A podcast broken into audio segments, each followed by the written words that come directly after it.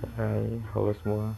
Kali ini gue bakal bahas manfaat ganja di dalam dunia medis dan efeknya untuk kesehatan. Uh, mungkin penggunaan ganja di Indonesia masih kontroversial ya. Keberadaannya juga dianggap masih legal dan termasuk dalam obat-obatan terlarang.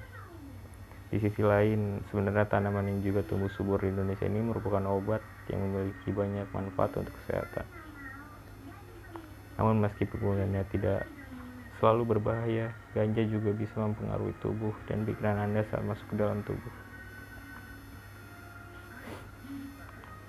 Sekilas tentang ganja. Ganja atau marijuana berasal dari tanaman bernama Cannabis sativa yang masih keluarga sama padi karena nama belakangnya sama.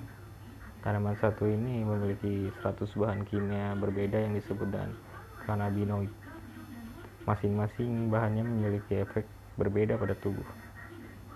Yang pertama adalah THC dan yang kedua adalah CBD, merupakan bahan kimia utama yang kerap digunakan dalam pengobatan.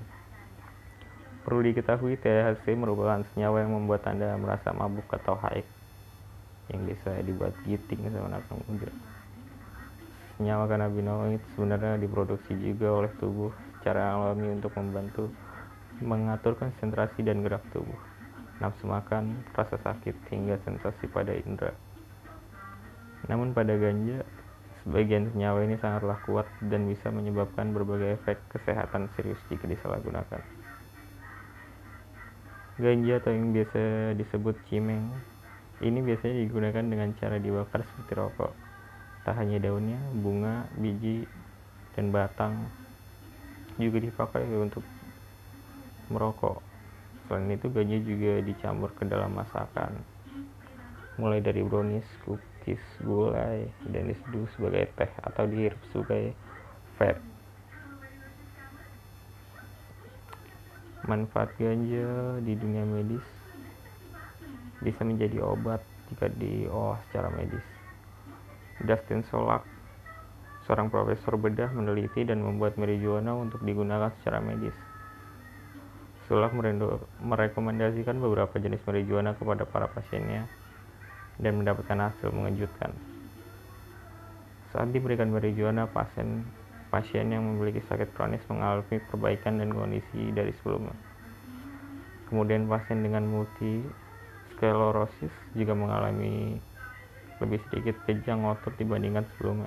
Bahkan pasien dengan peradangan usus parah mulai bisa makan lagi. Karena dari ganja tadi meningkatkan nafsu makan. Penelitian profesor ini juga cukup kuat dan menambahkan sejarah panjang manfaat ganja yang dapat digunakan sebagai obat terapeutik.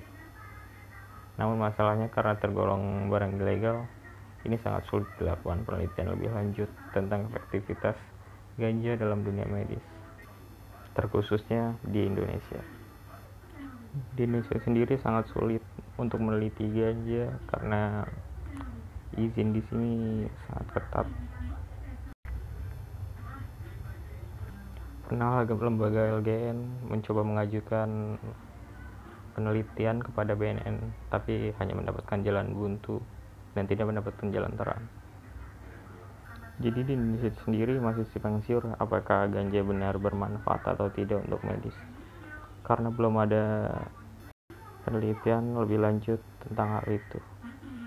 Dan untuk pemanfaatnya sendiri, ada beberapa orang yang pernah memanfaatkan ganja sebagai pengobatan, seperti Fidelis yang mengobati istrinya dengan ekstrak ganja, sehingga istrinya unsur membaik setelah dibelikan ekstrak ganja dan menambah nafsu makan istrinya.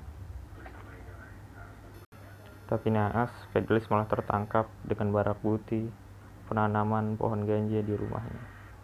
Dan Fidelis dipenjara selama beberapa tahun. Lalu istrinya meninggal karena tidak dapat ekstra ganja dari yang Fidelis tanam. Ya harapan saya ke depannya mungkin semoga Indonesia lebih terbuka lagi dan memerizinkan untuk penelitian ganja medis dan melegalkannya jika untuk pengobatan dan untuk teman-teman yang mau tahu tentang ganja medis lebih lanjut bisa cek IG-nya LGN seperti biasa terima kasih